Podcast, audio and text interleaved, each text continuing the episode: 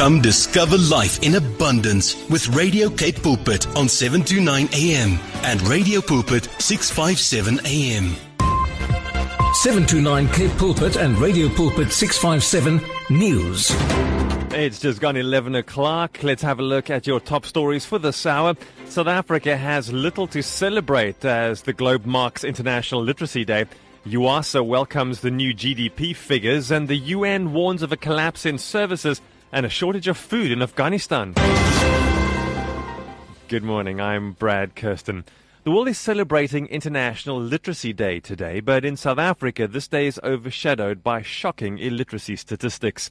According to the non-profit organization Read Educational Trust, nationally representative surveys have found that the adult illiteracy rate is a staggering 12%. Even more worrying is the fact that more than half of the country's children do not learn to read fluently and with comprehension in any language by the end of grade 4. The organization's Lizelle Langford says this bleak picture can change if South Africans take the time to read every day. This year, Read is once again celebrating International Literacy Day by bringing the message that we can change the world one word at a time if we make the effort and the time to read every day. Literacy is the cornerstone of all education, and for the country and its people to flourish, we have to make sure that we come together and focus on our own literacy needs. The Democratic Alliance has approached the Constitutional Court in a bid to stop the Independent Electoral Commission from reopening its registration process for ward councillor candidates. The IEC announced on Monday that the process will be reopened after the Apex Court ruled that the local government elections should go ahead. News 24 reports the IEC's decision mainly benefits the ANC, who failed to register candidates in 93 local municipalities. The DA wants the decision to be declared unconstitutional and invalid and be set aside. Western Cape Premier Alan Winde has called on President Cyril Ramaphosa to lift the national state of disaster. Winde made this call yesterday during a meeting of the President's Coordinating Council. The Premier said a better COVID 19 management system needs to be implemented in order to reduce the pressure placed on the economy. He says it will also help drive job creation. President Ramaphosa is expected to address the nation soon to give an update on the country's response to the ongoing COVID 19 pandemic. The National Department of Health says 202,637 people received their COVID 19 vaccines yesterday, and to date, 13.8 million people have received their jabs. This means that 25.68% of the population has now been inoculated against the coronavirus. Labour Union UASA has welcomed the increase in South Africa's gross domestic product. Statistics South Africa yesterday announced that the economy grew by 1.2% in the second quarter of the year. This means that most industries are slowly picking up and contributing positively to economic growth. UASA spokesperson Abigail Moyo says the union would like to encourage all South Africans to work hard towards reviving our economy. He also encourages all to work hard towards reviving our economy so that contributing industries can stay afloat and continue to bear positive results. What we need now is for the majority of South Africans to find employment so they can play an active role in taking the country forward. And finally, the United Nations says the situation in Afghanistan has left people in a dire position with basic services collapsing. This comes after the Taliban announced an interim government and declared the country an Islamic emirate. The government will be led by Taliban founder Mullah Muhammad Hassan Okund, who is also blacklisted by the UN. UN humanitarians warn that food and other life-saving aid is also about to run out ahead of the UN's Food and Agricultural Organization, Ryan Paulson says Afghans would also need help ahead of the fast approaching winter wheat season. Towards the end of September, we need to make sure that planting is starting. There's a there's a very short window of time to be able uh, to address that. Uh, the seeds can't wait. The farmers can't wait. We need to do everything we can to ensure that those vulnerable households are supported. Short while ago, gold was selling at $1,799.75. A fine ounce and a barrel of Brent crude will cost $72.03 a barrel.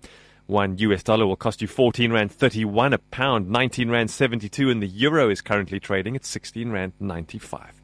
The price of one Bitcoin is currently trading at $45,314.68. And that's where we'll end this news bulletin. Your next news update will be right here at 1 o'clock. One vision, one voice, one message. Radio Pulpit 657 AM and 729 Cape Pulpit, impacting lives from Gauteng to the Cape. Altyd baie lekker om saam te kuier op die senders eh, van uh, Radio Kansel en uh, my naam is natuurlik Janie Pelser en uh, ek het 'n aantal gaste ons gaan gesels oor sake wat baie baie belangrik is. Dankie dat jy ingeskakel is. Die program se naam is Perspektief en die bedoeling in hierdie program is dat ons 'n bietjie naby kom aan dit wat in die harte van mense lewe, dit wat uh, natuurlik op die voorblaaie van ons koerante en ook in die hoofstroom media uh, bespreek word.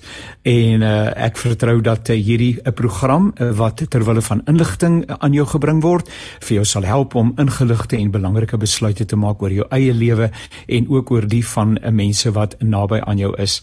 Uiteraard is hierdie program dan op die gefokus daarop om inligting deur te gee. Die die menings wat uitgespreek word deur deelnemers is nie noodwendig die oortuiging van Radio Kansel of die aanbieder nie, maar soos ons gesê het, ons wil dan almal lekker ingelig wees, nê? En ek as aanbieder is die heel eerste persoon in die die ry uh, om te kom luister na mense wat weet, mense wat ander menings het, is sodat 'n uh, uh, mense uiteindelik op 'n verantwoordelike wyse kan optree. Nou uh, ons gaan gesels oor uh, ter aanvang in hierdie program gesels oor die liewe saak van COVID-19 en die vaksines. Dit is steeds groot nuus uh, in die media en uh, media berigte wil dit hê dat um, ongeveer 28% van die bevolking, as ek dit reg het, uh, op hierdie stadium nog nie heeltemal oortuig is dat die vaksines die aangewese ding is nie. Dit is ook so dat ek nou vir Brad geluister het, Brad Kirsten wat vir ons die nuus gelees het en wat daarop gedui het dat 'n aansienlike hoeveelheid mense in Suid-Afrika reeds die vaksinne ontvang het. Maar dit is ook so uh, dat daar 'n aantal mense is wat nog voorbehoude het en dit is in die verband dat ons 'n bietjie met mekaar gaan uh, saam gesels. Nou uh, ons het 'n bietjie van 'n suising hier op die uh, uh op die uh, stelsel. Ek vertrou dat uh, aan jou kant dinge lekker lewendig en goed is. Ek net hier by my kontroleer hoor of ons in orde is. Um uh, uh Vusi, brother Vusi, are we okay? If you could just uh uh chat with me in the chat box, can we continue? There's a bit of a of a, a noise on my side, but uh, can we go on in good faith? I do trust so. Otherwise, you'll send me a note to say that uh, there is a problem. Ek gesels met Dr. Angelique Kutse. Goeiemôre Angelique, gaan dit goed met jou? Goeiemôre en 'n goeiemôre aan al jou luisteraars. Ja, um, ek wag net vir die reën want hulle het gesê ons gaan 74% reën kry. So ek wag. O, oh, ons het dit so so nodig. Uh, Professor Annelie Meyer, goeiemôre. Ek vertrou dit gaan goed met jou. Goeiemôre Jannie. Ja, baie goed, dankie en ek hoop so met almal van julle ook. Pragtig. En dan eh, Dr. Wiek Olof sê jy moet net jou mikrofoontjie afskaak aanskakel asseblief. Ek sien hy's nog af. En uh, dan hoor ons bietjie hoe gaan dit met uh, met jou uh, Dr. Wiek? Daar sê hy. Daar sê ons ja. hoor u. Gaan dit goed vandag? Goeiemôre. Julie, wel sê dit gaan goed met my baie dankie. Ja, ek is sommer Jannie, uh terwyl ek nou vir julle so gemaklik hierso op voorname noem, ek weet ook dat julle nie sal omgee nie. Ehm um, net so 'n vinnige ietsie van jou eie konteks. Angelique, vertel vir ons net wie is Angelique Kutse? Wel, ek is 'n algemene praktisyn, 33 plus jaar in in in in praktyk en ek is uh onder andere die huidige voors, voorsitter van die Mediese Vereniging van Suid-Afrika. Ehm um, en ja, ek verstaan primêre gesondheidsorg vorentoe, agtertoe, boontoe en ondertoe. Baie baie dankie en baie welkom. Prof Henry, vertel vir ons ietsie van jouself asseblief. Ehm um, goed, ja, ek is 'n apteker van beroep. So ehm um, maar ek is by Sefako Bagato Health Sciences University in Pretoria en ek is ook hoof van die wat nou my Engels sê South African Vaccination and Immunisation Centre by Sefako Bagato. En ja, my werk is ook soos Angelique uh eintlik in primêre gesondheid en um in in publieke gesondheid en dan nou uit die aard van die saak in um inenting. So ons uh ons lese kan ek nou maar sê is of ons ons doel is om te kyk dat ons na Afrika eintlik het sonder uh siektes wat mense gaan doodmaak. Baie dankie Annelie. En dan dokter Wiekoelo sê jy maak stikkende bene en arms reg. Vertel vir ons asseblief. Ja. Uh ja nee, ek is ortopediese chirurg en uh ek is steeds in praktyk al sê my seun ek sal by my raklewe verby. As ek nog steeds voltydse praktyk en werk ek voltyds sien ek uh pasiënte vir medies geregtelike sake nie nalatigheid nie net vir pad ongeluk ons. En daar gaan seker 300 of wat mense deur my drie spreekkamers per maand. So ek het baie kontak met die publiek as sulks. So ons kan hoor dat jy ook 'n besige man is. Nou Jan, hulle sê mos as jy iets gedoen wil kry, gee dit vir 'n besige mens. Ek wil tog ter aanvang vra asseblief Angelique en Hanelie, uh, en ek gaan sommer so lekker kontant op voornaam wees asseblief.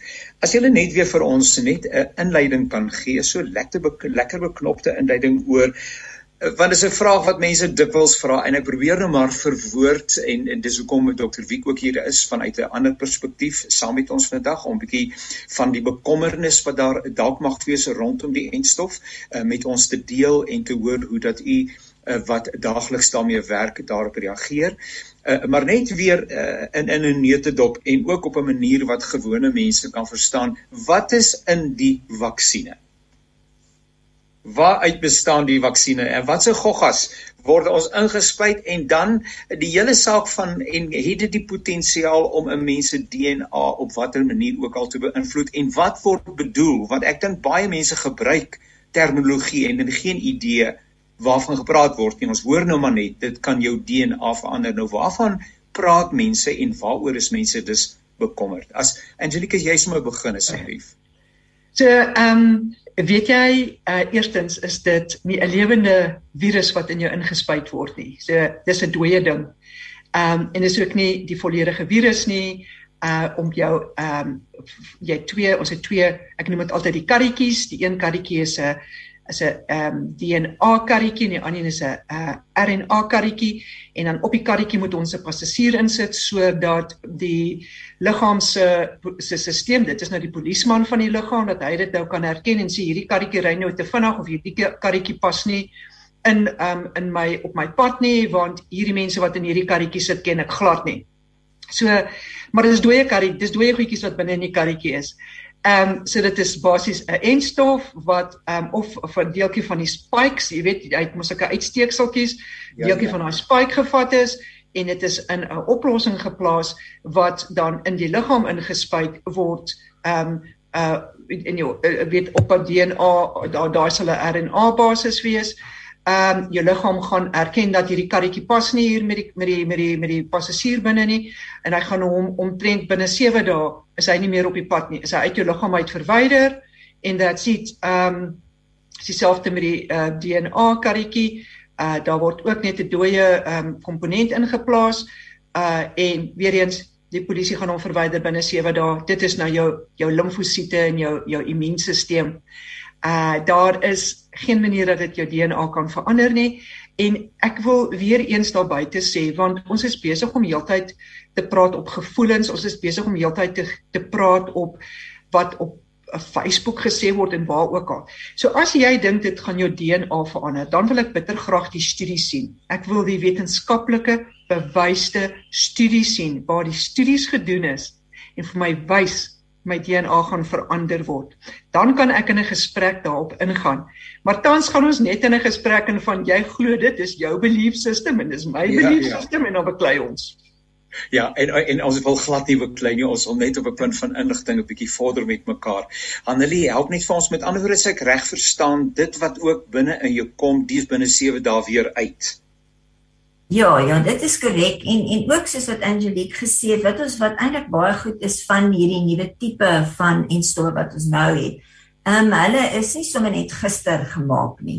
So daar's al baie navorsing, seker ongeveer 30 jaar se navorsing het al ingegaan in die ontwikkeling en dis eintlik 'n baie meer ehm um, uh veilige enstof in vergelyking met van die ou enstof waar jy 'n virus gebruik wat jy inaktiveer of doodmaak. So nou gebruik jy net 'n boodskapper wat nou hierdie mRNA is. Dis net 'n boodskapper wat jy gebruik wat dan vir jou selle sê om hierdie um spike protein te maak. So die spike protein is ook net 'n deeltjie van die virus en die spike protein is nodig vir die virus om jou liggaam binne te dring.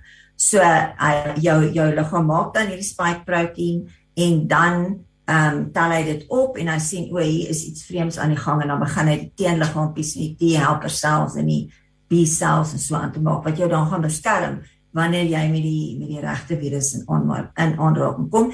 En ja, dit gaan baie vinnig want dit is in 'n klein kan ek net maar sê hulle gebruik 'n lipid 'n olie of 'n vet as ek dit nou so kan noem in Afrikaans wat dan die die boodskapper beskerm want hy is baie um fragile, skus my Engels. Ja. Hy's baie fragile. Jy moet dit nie hê om hom te beskerm En omdat hy so fragile is, word hy baie vinnig afgebreek en dan word dit uitgeskei soos enige ander gifstowwe in jou liggaam. Nou eh, Dr. Wiek Olofse uh, ons uh, ek ek het uh, weet dat u 'n bepaalde voorboude het en en uit die hart van die saak mag mense voorboude hê. Ons leef in 'n in 'n land waarin daar verskillende gedagtes is en ons bly met mekaar gesels totdat ons uh beter verstaan uh, wat die agter die kap van die byl sit. Ehm um, miskien wil jy op hierdie stadium vir ons met 'n bepaalde voorboud, miskien in reaksie op dit wat Angelique en Hanlie gesê het uh, en ook andersins ietsie op die tafel plaas plaas wat vir u bekommer uh waaroor ons kan gesels. Dankie Jannie en Angelique en Anlie, goed om julle oor die oor die eter te ontmoet. Ek het ek het groot voorbehoude en uh ek het vra wat ek wil vra en ek het besluit ook nadat ek geroskam is deur almal wat my ken dat ek my moet gedra en ek is iemand wat my eintlik vreeslik goed gedra het dat uh, ek het eh, 'n uh, groot probleem Angelique as jy sê dat alles is binne 7 dae uit jou liggaam uit. Met ander woorde daar's geen manier is dit is my vraag geen manier wat ons na 2 weke vir iemand kan toets en sê jy het die inenting gehad nie en jy mag nou 'n paspoort kry om te gaan drank koop en rugby te gaan kyk en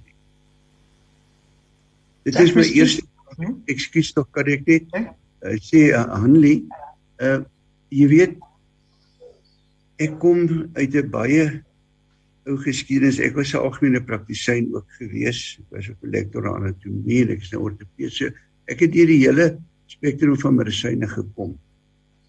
En in my dae en in hele dae wat ek jonger is ook, het ons inentings was goed nagevorsde uh produkte gewees. Dit was almal verswakte virusse of kieme wat ingespuit is. Ons dink aan polio, pokke, uh DVT vir die witseerkeel wat ons gehad het, masels, Duitse masels, was almal verswakte uh kieme gewees. Hierdie wat nou in nood gemaak is, is nie dieselfde nie. Met ander woorde, Ek is hoogs bekommerd oor wat is die navorsing wat gedoen is oor die langtermyneffekte? Wat is die navorsing wat gedoen is oor uh fertiliteit en infertiliteit en kongenitale afwykings wat in in die pasgeborenes mag wees? Ek het geen sekerheid daaroor en dit is vir my 'n groot probleem. Baie dankie dokter Wiek. Uh, kom ons hoor Angelique, dokter Wiek het vir jou 'n bepaalde probleem gestel. Kom ons hoor. Ek kan gou-gou daar antwoord. Ehm um, ons onthou ons toets nie vir die die proteïen na 2 of 3 weke wat ingespuit is nie. Wat het sy dit 'n DNA of 'n RNA basis is nie. Ons toets na 2 weke vir die antiliggame wat gemaak word teenoor dit wat getoets is. So dit is uh so jy weet ehm um, of jy of, of jou of jou ehm um, spuitstof nog nog in die liggaam is of nie, dis nie waarvoor uh, wel ons weet hy is nie meer daar nie, maar ons toets nie vir die spuitstof nie. Ons toets vir die die respons van die liggaam. Die tweede ding is ek so jammer. Ehm um, die, die die tweede ding is ehm um, ons kan nie uh jy kan nie jou al jou antiliggame toets nie. Jy kan nie jou T-selle ordentlik uh toets nie. Jy kan B-selle toets. So kom ons nie altyd vir die mense sê om te gaan toets nie, want dit is 'n probleem. Ek dink Hanlie kan so 'n bietjie meer dalk daaroor praat. Um ek moet ongelukkig um ook sê dat uh die die die storie van die infertiliteit ehm um, is ons uh, redelik bekend daarmee en daar was ongelukkig of gelukkig vir ons daar was baie mooi studies nou in ehm um, uh, Amerika gedoen wat eintlik interessant gewys het dat die groep mans wat hulle getoets het, se spermtelling was eintlik beter geweest na die vaksinering. So daar is net geen rede dan daar vir vir enige ehm um, uh uh uh um uh kom bekommernis dat ek my ja my infertiliteit 'n probleem gaan wees vorentoe nie. So uh jy moet asseblief nie nog na 7 of 10 dae nog die die karretjie met die passasier in jou liggaam hê nie. Jy moet genoeg polismanne en jy moet die polismanne probeer toets. Dan wil ek 'n ander ding sê. In my tyd, dis nou 33 1985 het ek klaar gemaak. Um toe het virologie net net begin by tiks. Dit was dit was die ou virologie, maar die die nuwe hierdie immunologie komponent daarvan um was toe 'n baie baie nuwe veld. En ek moet sê dat almal van ons wat uit daai era uitkom, uh hierdie is nie soos wat ons geleer is nie. Uh hierdie hierdie mense is hierdie viroloog wat op immunologie werk. Dis 'n 'n ongelooflike gespesialiseerde vlak of veld en dit is nie altyd so maklik vir jou om uit jou, jou kennis wat jy het as 'n algemene praktisyn van ek weet nou nie hoe dit vandag is by die universiteit nie, maar op my my goeders is dit 'n groot probleem vorentoe um, om dan al hierdie goed ehm um, dit te probeer ehm um, verstaan. Ek sit baie keer op meetings en dan moet ek gaan luister, agterna gaan soek ek op die woordeboek waarvan het hulle gepraat, want ek verstaan ek nie altyd alles nie. Dis voor my of na my tyd. Dankie. Uh, uh, Hanelie, ehm um, die die gedagte dat ehm um, hierdie hele ontwikkeling die enstof baie nuut is, hoor ek ook dikwels. Uh ja, maar uh, is daar's nie genoeg navorsing gedoen en so aan en dis nog te nuut en dis meer saam met die ander voorbehoude wat uh, Dr. Wiek gestel het. Help vir ons asseblief, hoe moet ons dit verstaan? Ja, so soos ek gesê het, hierdie is 'n coronavirus. So ons het al vorige van hierdie tipe coronaviruses gehad, soos met MERS en SARS en so aan. So en soos ek ook sê met hierdie hele ehm um, uh boodskapper RNA tegnologie. Hulle werk ook al vir jare lank daaraan, maar dit is baie moeilik want alle virusse werk op 'n verskillende manier. So die die HIV virus byvoorbeeld hy val ander dele van jou liggaam aan in vergelyking met die met die ehm um, COVID-19 virus. So ehm um, dit is ook hoekom hulle nou want mense sal byvoorbeeld vra, nou maar hoekom het julle nou nog nie iets teen HIV nie? Maar dit is omdat dit op 'n ander manier werk. Dis die een ding. So dit is nie sommer net oor nag nie. Dit wel vinnig plaasgevind as gevolg van die pandemie. Baie mense het deelgeneem, daar's baie geld ingestoot ehm um, maatskappye moes risiko's neem om so lank die vaksinne te maak terwyl hulle met die clinical uh fase 3 ehm um, trials besig was en so aan. Maar op die oomblik het ons eintlik baie meer data as wat ons enige ander vaksin het in die verlede op hierdie stadium. Want as jy kyk, ehm um, ek dink is ongeveer meer as 5.4 uh biljoen dosisse sal reeds toegedien oor die hele wêreld. Hulle het begin met die uh fase 3 kliniese proewe verlede jaar in Julie as ek reg is met die Pfizer. So ons ons bestudeer dit al vir meer as 'n jaar as jy dit nou bestudeer wil noem. En ehm um, met met al die ander enstowwe kyk kyk ek gewoonlik na langtermyn effekte. Dit kom ons maak dit 3 maande op die langste sou ek sê. en het nog geen van daai effekte opgetaan nie. Daar is wel soos met enige ander um, enstof en enige ander medisyne is daar jou baie rare neeweffekte en dit het hulle opgetel. So kan hulle ook vir jou opnoem.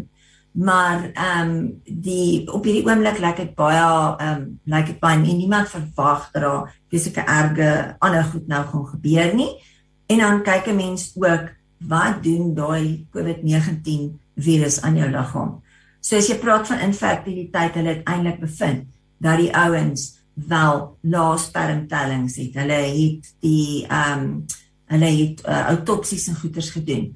So en ook as jy kyk in in in die geval van swangerskap, daar is 'n baie groot studie ook alreeds wat plaasvind in in in ehm um, ek dink is in die UK waar hulle na na swanger vrouens kyk. En ons weet hulle is ook uh, teen of hulle het 'n baie groter risiko om baie erge COVID-19 te ontwikkel um in vergelyking met vrouens wat nie swanger is nie. So mense moet daai um, goed teen mekaar opweeg en die die voordele is net soveel meer as wat die wat die risiko's is die ding van neeweffekte as 'n mens baie keer medisyne ontvang by die dokter of jy koop iets oor die toonbank en jy maak daai blaadjie oop en jy sien wat alles met jou kan gebeur, dan is jy totaal ontmoedig en dan besluit jy gaan maar sommer van self gesond word.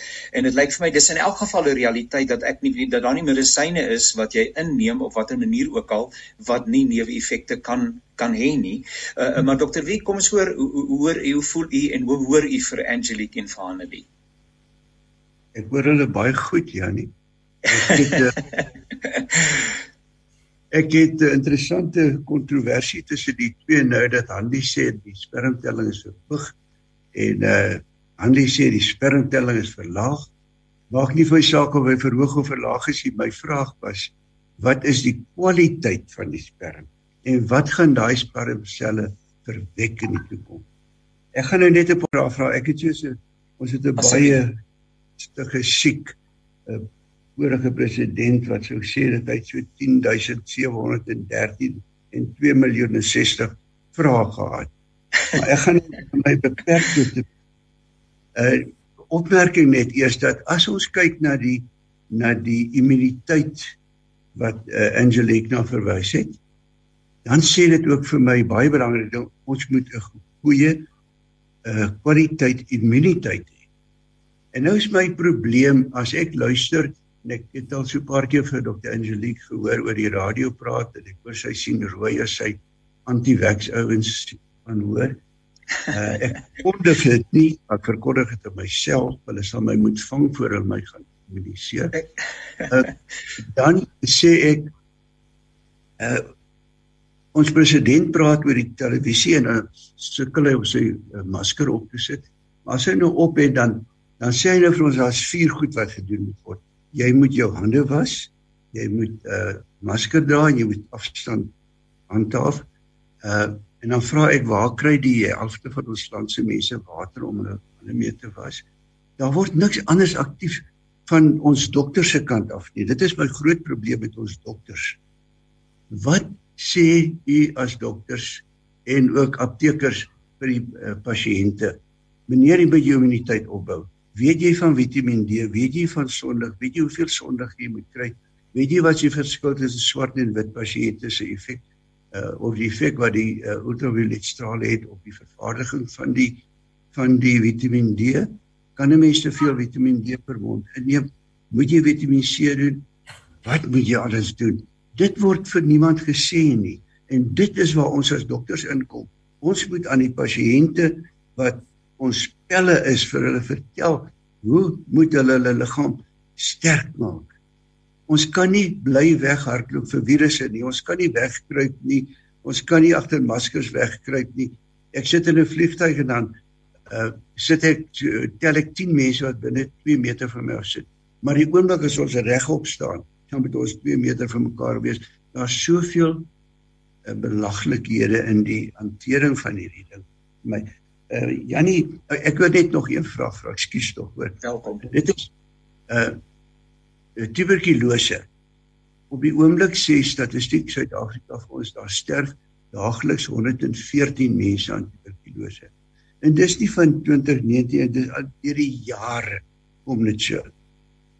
Nou met hierdie COVID, toe het hierdie mense nie toegang tot hulle behandeling nie. So hierdie COVID het so alles oorheersend geword dat mense aan niks anders dink nie. Ek wil ook net noem uit my GP dae.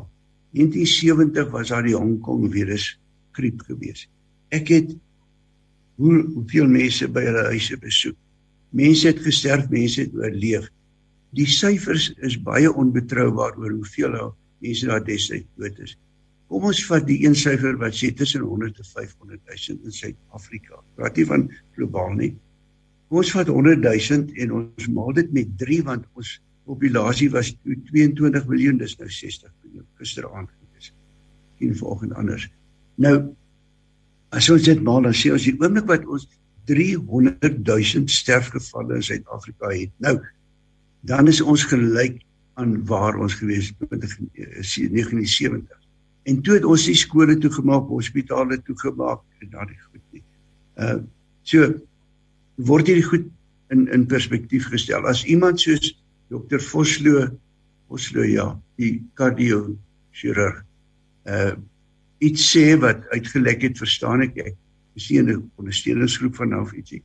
Dan word daar word sy verguis word sy gekruisig. Hoeveel van die goed wat sy gesê het, ek het gaan luister na die uh is waar. En my my afsluit, ek weet nie aan hoeveel tyd het ons nog nie, maar ek sal net wil vra vir Angelique en professor Meyer wat in wat akademici verteenwoordig. Wanneer kry ons 'n forum in hierdie land wat ons as mediese besluit so word COVID behandel, nie wat die president sê wat sê adviesraad wat ek eers weet wie se dit ja een keer gesê Angelique het gesê uh, dat uh, sy hulle maak aanbevelings en sy weer word ja gevolg. Dis tyd dat die mediese in die land hande vat, 'n forum stig, al hierdie goed wat ons hoor. Ek het hoeveel bladsye hierso by my wat ek hier kan wys wat ek wil bespreek het. Uh en dat ons dit daar bespreek en dat ons 'n liefde 'n uh, antwoord kry op wat gaan ons vir ons bevolking sê. Dankie. Uh Angeline Boshoor. Daar's ek wil vinnig ek wil vir jou sê dat die artikel wat um, in uh, in 'n preprint is wat gepubliseer gaan word in die BMJ uh, uh, Yale um, en daai studies is nou gedoen wys um, baie duidelik vir ons um, ten opsigte van die sperms wat jy nou-nou gevra het dat um, dis 'n studie wat in Israel gedoen het en hulle die sperm parameters voor en na dat hierdie pasiënte uh, twee dosisse van Pfizer ontvang het gedoen en hulle het gevind daar's geen decrease in sperm count of motility nie. So die count of die motility um, was fine so ek kan nou nie vir jou sê of die sperm goed gelyk het nie. Wel dis die, dis die, dis die data wat daar uit is. So en dit is 'n dis 'n gesaghebende artikel 'n tydskrif waarin dit gepubliseer gaan word. Ek wil net vir jou sê dat ek stem saam met jou oor Vitamiin D. So ehm um, Vitamiin D is 'n uh is 'n belangrike ding en ons sien dit veral met mense met uh gewone kroniese siektes en veral bo die ouderdom van so 45 uh in my spreekkamers doen ek dit rotine jaarliks op pasiënte en ja daar is 'n uh, klomp mense wat 'n uh, Vitamiin D tekort het en dit moet aangespreek word. Maar jy kan nie Vitamiin D vir iemand gaan gee wat genoeg Vitamiin D het nie want te veel Vitamiin D is ook 'n probleem. En ons het gesien in ons kamers dat die Vitamiin D wat jy oor die toon moet koop werk nie. So as jy 'n Vitamiin D tekort het, moet jy iets soos kalsieferol gebruik eenmal per week en jy moet ook daai daai waardes toets. So ehm um, so ja, ek dink daar is 'n baie onkunde nog ook daar buite oor Vitamiin D, maar Vitamiin D per se gaan jou nie red om nie COVID-19 te kry ehm um, vorentoe nie. Ehm um, dit gaan net jou help help om jou liggaamsimmuunstelsel te verbeter en is in elk geval goeie medisyne om daai vlakke eenmal 'n jaar bo sekere ouderdomsgroep te doen ongeag van wat jou kleur is. Ehm um, maar veral met jou as kroniese medisyne wat jy gebruik. Dan ek stem heeltemal saam met jou dat ons kroniese siektes, ons noem die term non-communicable diseases, ehm um, dit is dit is eintlik kroniese siektes, ehm um, is heeltemal ehm um, agterweë gelaat tydens hierdie pandemie en Sama het nou al 'n hele paar keer daaroor gepraat en ons het ook 'n bekommernis daaroor want mense besit bestaan nie net uit COVID-19 virusse nie. Ehm um, hulle bestaan uit ehm um, ander siektes ook en ons moet dit aanspreek. So ons gaan oor die volgende 5 jaar 'n groot krisis sien. Maar dit het niks met die vaksines te doen of die die virus dit is dit is ehm um, uh uh jy weet mense die die, die publiek eerstens wat te bang is om te gaan vir die ehm um, vir hulle toetse by die ehm um, hospitale en die klinieke, hospitale en klinieke wat mense wegwys en sê jy's nie siek genoeg nie. Ons gaan jou nie nou sien nie, ons sien net COVID. So ja, daai moet aangespreek word. Ek stem 100% met jou saam. Dan ten opsigte van ons sterftesyfers daar buite, ek kan jou beloof ons sterftesyfers is vrek onder gerapporteer. Hier is baie baie baie meer mense dood. En dan die verskil tussen die ehm um, 1970 ehm um, Hong Kong virus en dit wat ons nou sien, is hierdie is 'n pandemie, werkwaardige pandemie terwyl daai Suid-Afrikaanse uh, as ek ek ek ek neem aan ek weet nie of dit ook 'n pandemie was en of dit onder 'n pandemie geval het nie. Daai was toe ek nog 'n bietjie klein was, so ek kan nie al daai goed vir jou sê nie, maar ek weet dat hierdie is die eerste pandemie waarvan ek bewus is wat op hierdie groot skaal wêreldwyd 'n probleem is. En dan tree openbare gesondheids ehm um, reëls eintlik in in in werking in plaas daarvan dat ek as dokter my eie opinie die hele tyd kan gee. Ek moet seker maak my opinie is gebaseer op feite, soos wat ek nou vir jou kan wys en sê wat van die spermamortaliteit deur um, en daar's nog ander um, in, in in hierdie is Israel gedoen en ek weet daar's in Amerika ook studies. So ek kan vir jou daai gee um, en vir jou sê luister dit is wat die ouens gesê het. Um, ek het nou nie self gaan kyk of daai sperma werk nie, maar hulle sê die sperma werk. So ek moet nou goed. So ek hoop dit help. uh, uh, professor Hanelie, help gou vir ons en dan wil ek sommer net vra uh, help ook net vir ons daar is ook 'n vraag rondom en en en ek fasiliteer doodgewoon die program. Ek is nie 'n kenner die hele is die kenners oor die impak wat uh, die vaksines dan op 'n mens se wit en rooi bloedselle kon hê. Uh, en ek verstaan nie presies uh, wat die probleem probleem daar rondom is nie, maar maar jy wat nou die kennis het sal vir ons kan sê, is dit 'n krisis, is dit 'n probleem of is dit juis 'n bewys dat die ding reg werk? So help net vir ons met uh, in aansluiting by dokter Wiek en dan ook wat hierdie uh, selle betref. Ja, goed, baie dankie. So wat ons moet in gedagte hou is ons sit in 'n pandemie met 'n baie ernstige virus wat wat chaos veroorsaak. So soos wat uh, Dr. Wiek ook gesê het, ehm um, die mense kan nie hulle TB medisyne byvoorbeeld kry nie of kry nie behandeling. Dit is presies een van die implikasies van hierdie hele pandemie. Gaan na die hospitale, gaan na die ICU's, hulle is oorvol, hulle is gepak. Daar die arme ehm um, dokters en uh, verpleegsters, almal wat daar werk is is oorwerk. So uit die aard van die saak is daar definitief 'n impak op al ons non-communicable diseases. So ons gaan die ons gaan die ons gaan die uh impak daarvan ook verder sien. Ehm um, so wat ons moet doen is om en, en dan kyk ons ook na COVID-19 self. Soos ons gaan praat van die spermtelling. So wat hy wat hulle gevind het is dat mense wat COVID-19 gehad het, dis hulle wat die verlaagde spermtellings het. Nie die wat die vaksin gehad nie. Ook so met die ehm um, waarvan jy nou praat, die invloed op jou rooi bloedselle en jou wit bloedselle. So partyke lees mense nie altyd die artikels heeltemal reg nie.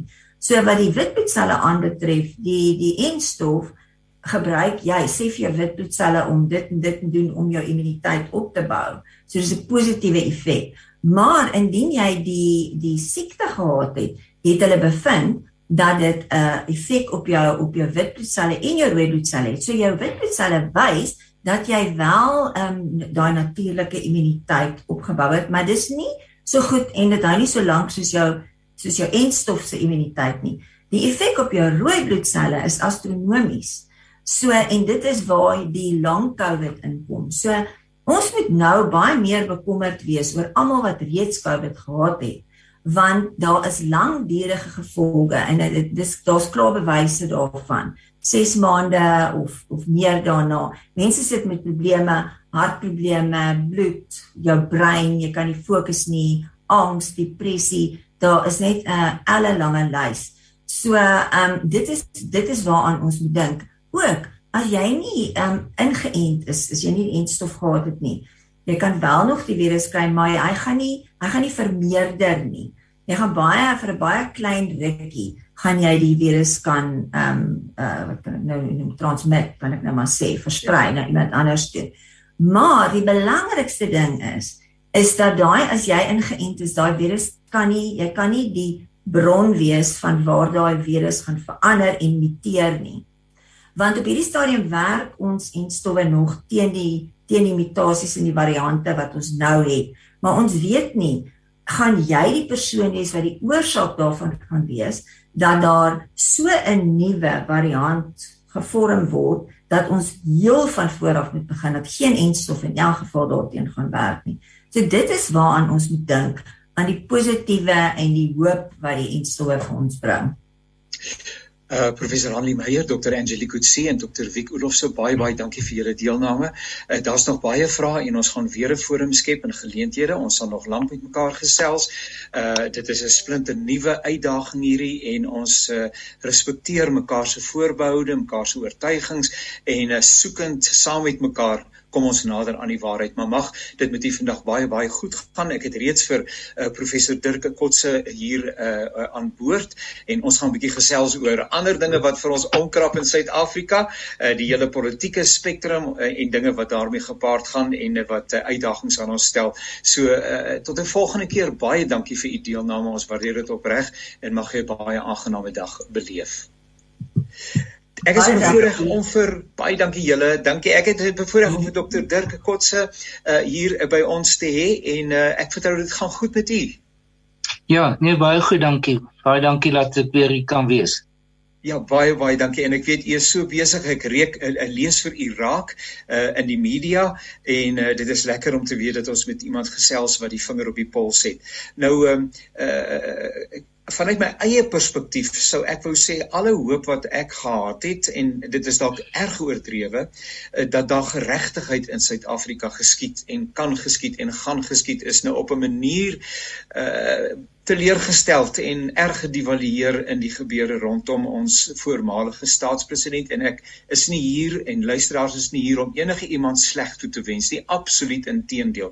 Maar wat vir die een geld moet tog vir die ander ook geld. En nou is hierdie mediese parol uh, wat aan ons voormalige staatspresident toegestaan is is erg onder verdenking. Help vir ons asseblief uh, professor Kotse uh, is dit maar beter so of ehm um, moet die die Jan publiek opstaan en sê nee maar dit kan nie so nie. Ek sien daar is bepaalde organisasies die DA en ook Solidariteit Afriforum die mense wat sê nee maar ons soek antwoorde Ja ek dink dit is uh, dis al dis heeltemal geregverdig dat dat almal wil antwoord kan moet antwoorde kry op op hierdie punt. Uh, dis 'n openbare figuur president Zuma. Uh, ten spyte daarvan dat hy nou nie meer in die posisie is van president nie beteken dit hy is nog steeds 'n openbare figuur en openbare figure reg oor die wêreld is is daar en daar's eintlik meer van 'n onus op hulle en die diegene rondom hulle om dit wat ter sprake is wat relevant is vir hulle om dit in die openbare domein te sit. Behalwe dit wat natuurlik heeltemal privaat van aard is. En ek dink dis een van die punte wat hier ter sprake is is dat baie mense sê wel sy mediese situasie is 'n privaat aangeleentheid dit is tot 'n mate korrek, maar daar is ook 'n veral vir dienende persone, dienende presidente, dienende openbare figure, is daar ongelukkig minder van 'n privaatheid as as ander privaat burgers. Um want dit is dit gaan oor die feit dat hulle in 'n openbare posisie is. Daarom het daar is daar 'n openbare verantwoordelikheid ook van hulle kant om dit dat die publiek ge, uh, uh, geloofwaardigheid het of ja dat daar geloofwaardigheid in in die persoon is. So dit alles dra by tot die feit dat dit 'n uh, dis 'n dis 'n situasie wat die meeste mense dink dat president uh, Zuma is is uh behandel op 'n manier wat ander mense nie behandel word nie. Ander siek gevangenes word nie op dieselfde manier uh vinnig uh, vir mediese parol gegee nie. Ehm um, dat daar nie dat daar geen oortuiging is dat hy in 'n situasie is waar hy nie meer uh in aanhouding kan wees nie en terselfdertyd mediese sorg kan kry nie. So daar's 'n verskeidenheid van faktore en menings wat ons sprake is wat dit uh dit baie groot ongemak dink ek in die openbaar hier oorskep. Um ek dink vir die ANC self is dit 'n uh, 'n uitkomkans. Uh die situasie rondom president Zuma het 'n uh, baie warm patat vir hulle geword en daar's groot daar is nog steeds meningsverskil binne die ANC oor of hy daar of of dit daar moet wees of nie. Ehm um, en in die publiek is daar ook groot meningsverskil daaroor. Ehm um, en ek dink dit is dit alles dra by tot die die feit dat daar dat daar in die algemeen ongelukkigheid hieroor is. Dit neem mense onmiddellik terug na die Shabir Sheikh situasie wat gebleik het dat dit nie is 'n situasie was waar hy in lewensgevaar was nie sy mediese situasie en ek dink dit dit skep 'n gevoel van dat die die proses rondom mediese parol nie 'n geloofwaardige proses is nie. Ek uh, lees in vanoggend se se beeld uh, as ek die koerant maar aanhaal uh, netwerk 24 uh, aan die een kant 'n brief 'n briefskrywer wat 'n lang brief geskryf het gesê het dat ehm um, gesien uh, en dis hoe ek dit interpreteer die teen die agtergrond van die geweldige opstand wat daar hier in Julie maand was die saakbeskadiging vernietiging die enorme koste wat daaraan verbonde is uh, die ongerief die ongemak uh, die uh, onstabiliteit alles wat daarmee gaan gepaard gaan uh is die is die kool die sous nie werd om uh hierdie saak rondom meneer Zuma uh te kontinueer nie om dit maar liefs net links te laat lê.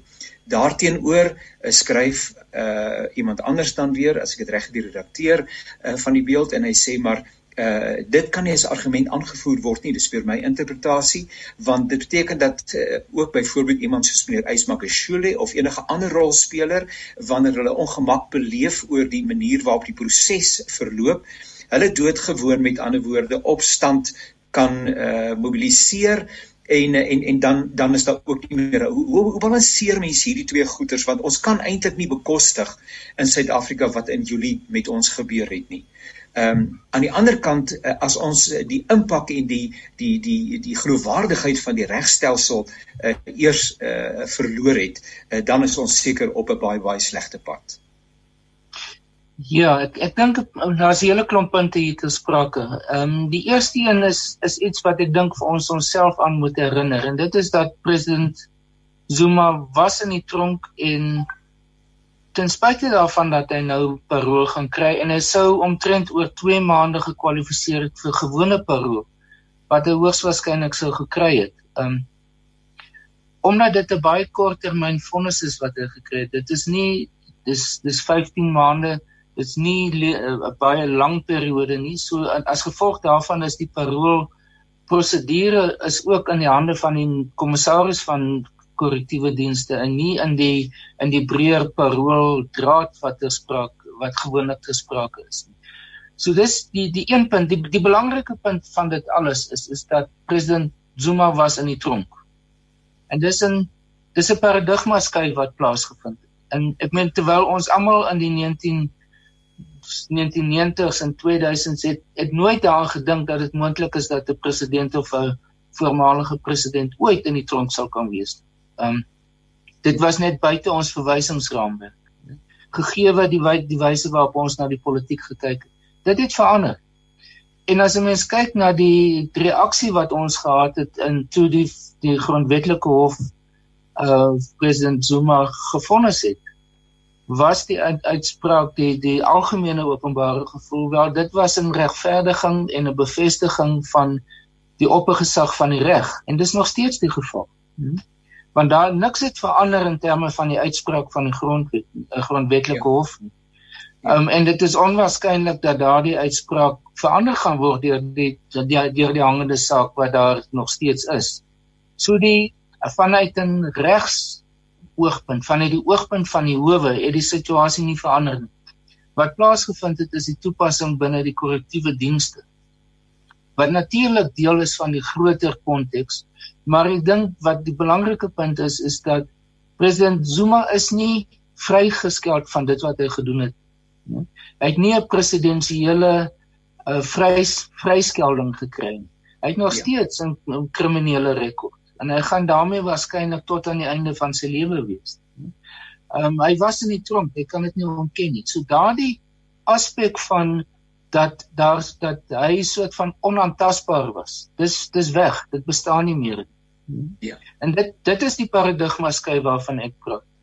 Nou as ons gaan na wat gebeur het om te probeer om te verhoed dat hy na die uh, in in aanhouding geplaas word. Um, en die gebeure in KwaZulu-Natal en la, later in Gauteng ook. My interpretasie daarvan is is dit dit is dis net een keer wat so iets wat daar 'n geleentheid vir so iets bestaan om so iets te kan doen. Want dit is gebaseer op die beginsel van verrassing. Ja. Sodra as wat die element van verrassing nie meer daar is nie, kan dit nie herhaal word nie. En dit is wat ons gesien het omtrent 'n week of 2 gelede. Wat die maandag wat hulle probeer het om dit weer te doen, dit het dit het nie as van die grond af gekom. Ja. Die die feit dat die die die publiek nou meer bewus is van die potensiaal van dit. Die feit dat die ges, die veiligheidsdienste nou meer bewus is van die potensiaal hiervan het in 'n groot mate verhoed dat dit weer kan plaasvind. Nog meer is dit is die feit die reaksie van baie gemeenskappe wat gesê het ons opponeer dit aktief. Ons ons beskerm onsself, né? En die diegene wat dit wil probeer doen in die toekoms gaan weet dit gaan teen die openbare mening wees. Daar gaan nie openbare simpatie daarvoor wees. Ja. ja. So dit wat hulle polities wil probeer bereik met so iets is nie meer werklik uh, 'n opsie nie. Um, en dis of Ysma Gesule in dieselfde situasie gaan wees of ander figure. My voorspelling is dat daar nie weer in die nabye toekoms is volgende maande of iets soortgelyks kan plaas van die gegeewe die politieke dinamika wat rondom dit ontwikkel. Dan eh uh, professor baie dankie dit help vir ons so baie. Ehm um, net so in 'n uh, 3-4 minute net ietsie rondom eh uh, die plaaslike verkiesings. Ehm um, en en, en daar's so 'n los en vasgemaakte geskrywery daar rondom dat 'n ou nie eintlik weet wat die status daarvan tans is nie. So uh vind dit wel plaas. Wat moet met ander woorde waar staan Jan publiek? Wat moet hy doen om homself voor te berei daarop? Ehm um, en uh, en in eie gedagte wat die die frase wat almekaar gebruik word is naamlik of dit vry en regverdig kan wees. Uh, uh, dit voel tog vir 'n ou asof daai die die die vensterperiode geweldig klein is om 'n behoorlike uh verkiesing uh van stapel te stuur maar maar net vir ons 'n bietjie leiding daar rondom. Ja, ek ek dit raak nou 'n situasie waar daar baie min tyd is. Is omtrent 7 weke wat oorbly. Die vensterperiode is tussen 27 Oktober en 1 November. So hoogs waarskynlik gaan die verkiesing op uh as mens in daardie periode na moet kyk, sal dit die laaste dag wees, naamlik 1 die 1 November. Uh die verkiesing gaan nou definitief aan. Daar is nie meer enige ander opsies ter sprake nie. Die grondwet kan nie verander word nie. Daar's nie genoeg tyd daarvoor nie. Um so 'n uitstel is glad nie ter sprake nie. Um wat wat op die oomblik ter sprake is is dat die uh dat daar 'n nuwe registra registrasieperiode oopgemaak is daarvoor. Uh die publiek kan ag die 18de en 19de Oktober gaan registreer by die by die kies uh punte waar hulle normaalweg stem en waar hulle in hierdie verkiesing weer sal moet stem. Um maar terselfdertyd is daar in op die webwerf van die onafhanklike verkiesingskommissie kan mense nou enige tyd registreer. Dit is 24 uur van die dag oop. So enige persoon wat wil registreer en nie wil wag vir die 18de of 19de nie, kan dit vandag doen, kan dit nou doen, kan dit vanaand doen, enige tyd um, en dit sal presies dieselfde status hê as om fisies na 'n stempunt te gaan om te registreer. Um wat ook gaan plaasvind en dit is eintlik die een die, die werklik die kontroversiële aspek rondom dit is is dat politieke partye nou weer kans kry om na hulle nominasies te kyk. Um daar waar die ANC spesifiek uh, gefouteer het met hulle nominasies, nie al die dokumentasie opgelaai het op die stelsel nie of verkeerde inligting opgelaai het, sal hulle dit kan regmaak. In sommige gevalle sal dit wel moontlik wees vir mense om nie te kan registreer vir al onafhanklike kandidaate wat dit nog nie gedoen het nie. Daar's omtrent 1000 onafhanklike kandidaate wat reeds genomineer is, geregistreer is as genomineerdes. So dis alles opsies wat bestaan, maar die eintlike punt is is dat ehm um, die keuse om in by 'n stembus hang nie af van 'n kiese van 'n verkiesingsveldtog nie. Almal van ons het ons eie standpunte.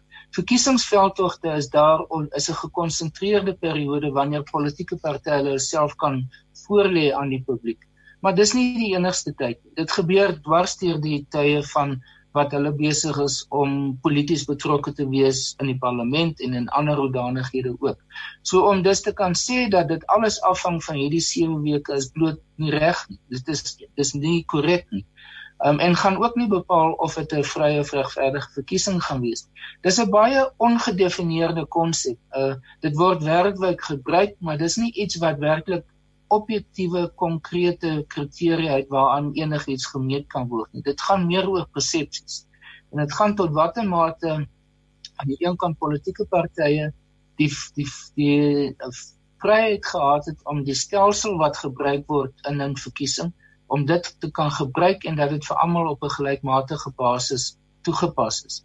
terselfdertyd vir kiesers om te kan sê dat ons het in die geleentheid gehad om ons eie besluite kan neem oor vir wie ons wil stem. Um, en dat daar nie beperkings daarop geplaas is. Dis in essensie die breë maatstawwe wat gespreek is by 'n vrye en regverdige verkiesing. En ek dink die kanse is baie baie baie skraap dat daar enige iets baie dat ons naby 'n punt sal kom wat al mense sal sê maar dit was glad nie vry en regverdig gewees nie. Professor Dirkotse, hy is 'n politieke ontleder en hy is verbonde aan die Universiteit van Suid-Afrika. Baie baie dankie vir u tyd. Uh, ons waardeer dit opreg. Seënwense en ons kuier weer in die toekoms saam. Baie dankie. Daarmee is aan die einde gekom van hierdie aflewering van Perspektief. Onthou hierdie program en ook ander programme van Radio Kansel, meeste baie daarvan is beskikbaar as potgoeie by www.radiokansel.co.za. In hierdie geval gaan kyk jy na Perspektief en uh, jy kan dit dan daar gaan opspoor. Ook ons naweekprogram, Naweekjoernaal, kan jy dit daar kry en veral uh, in die onlangse verlede het ons 'n gesprek gehad met uh, Dr. Chris Malan onder andere, professor Henny Stander oor hulle ervarings met COVID-19 en jy kan dit gaan in luister en weer 'n keer luister veral by Naweek Aktueel in die onlangse verlede uh, by 'n potgooi en as 'n potgooi en ek sal dit sterk uh, aanbeveel. Seënwense vir u. Uh, baie dankie aan Woesie wat vir ons die tegniese versorging hanteer het. Tot 'n volgende keer. Alles wat mooi is.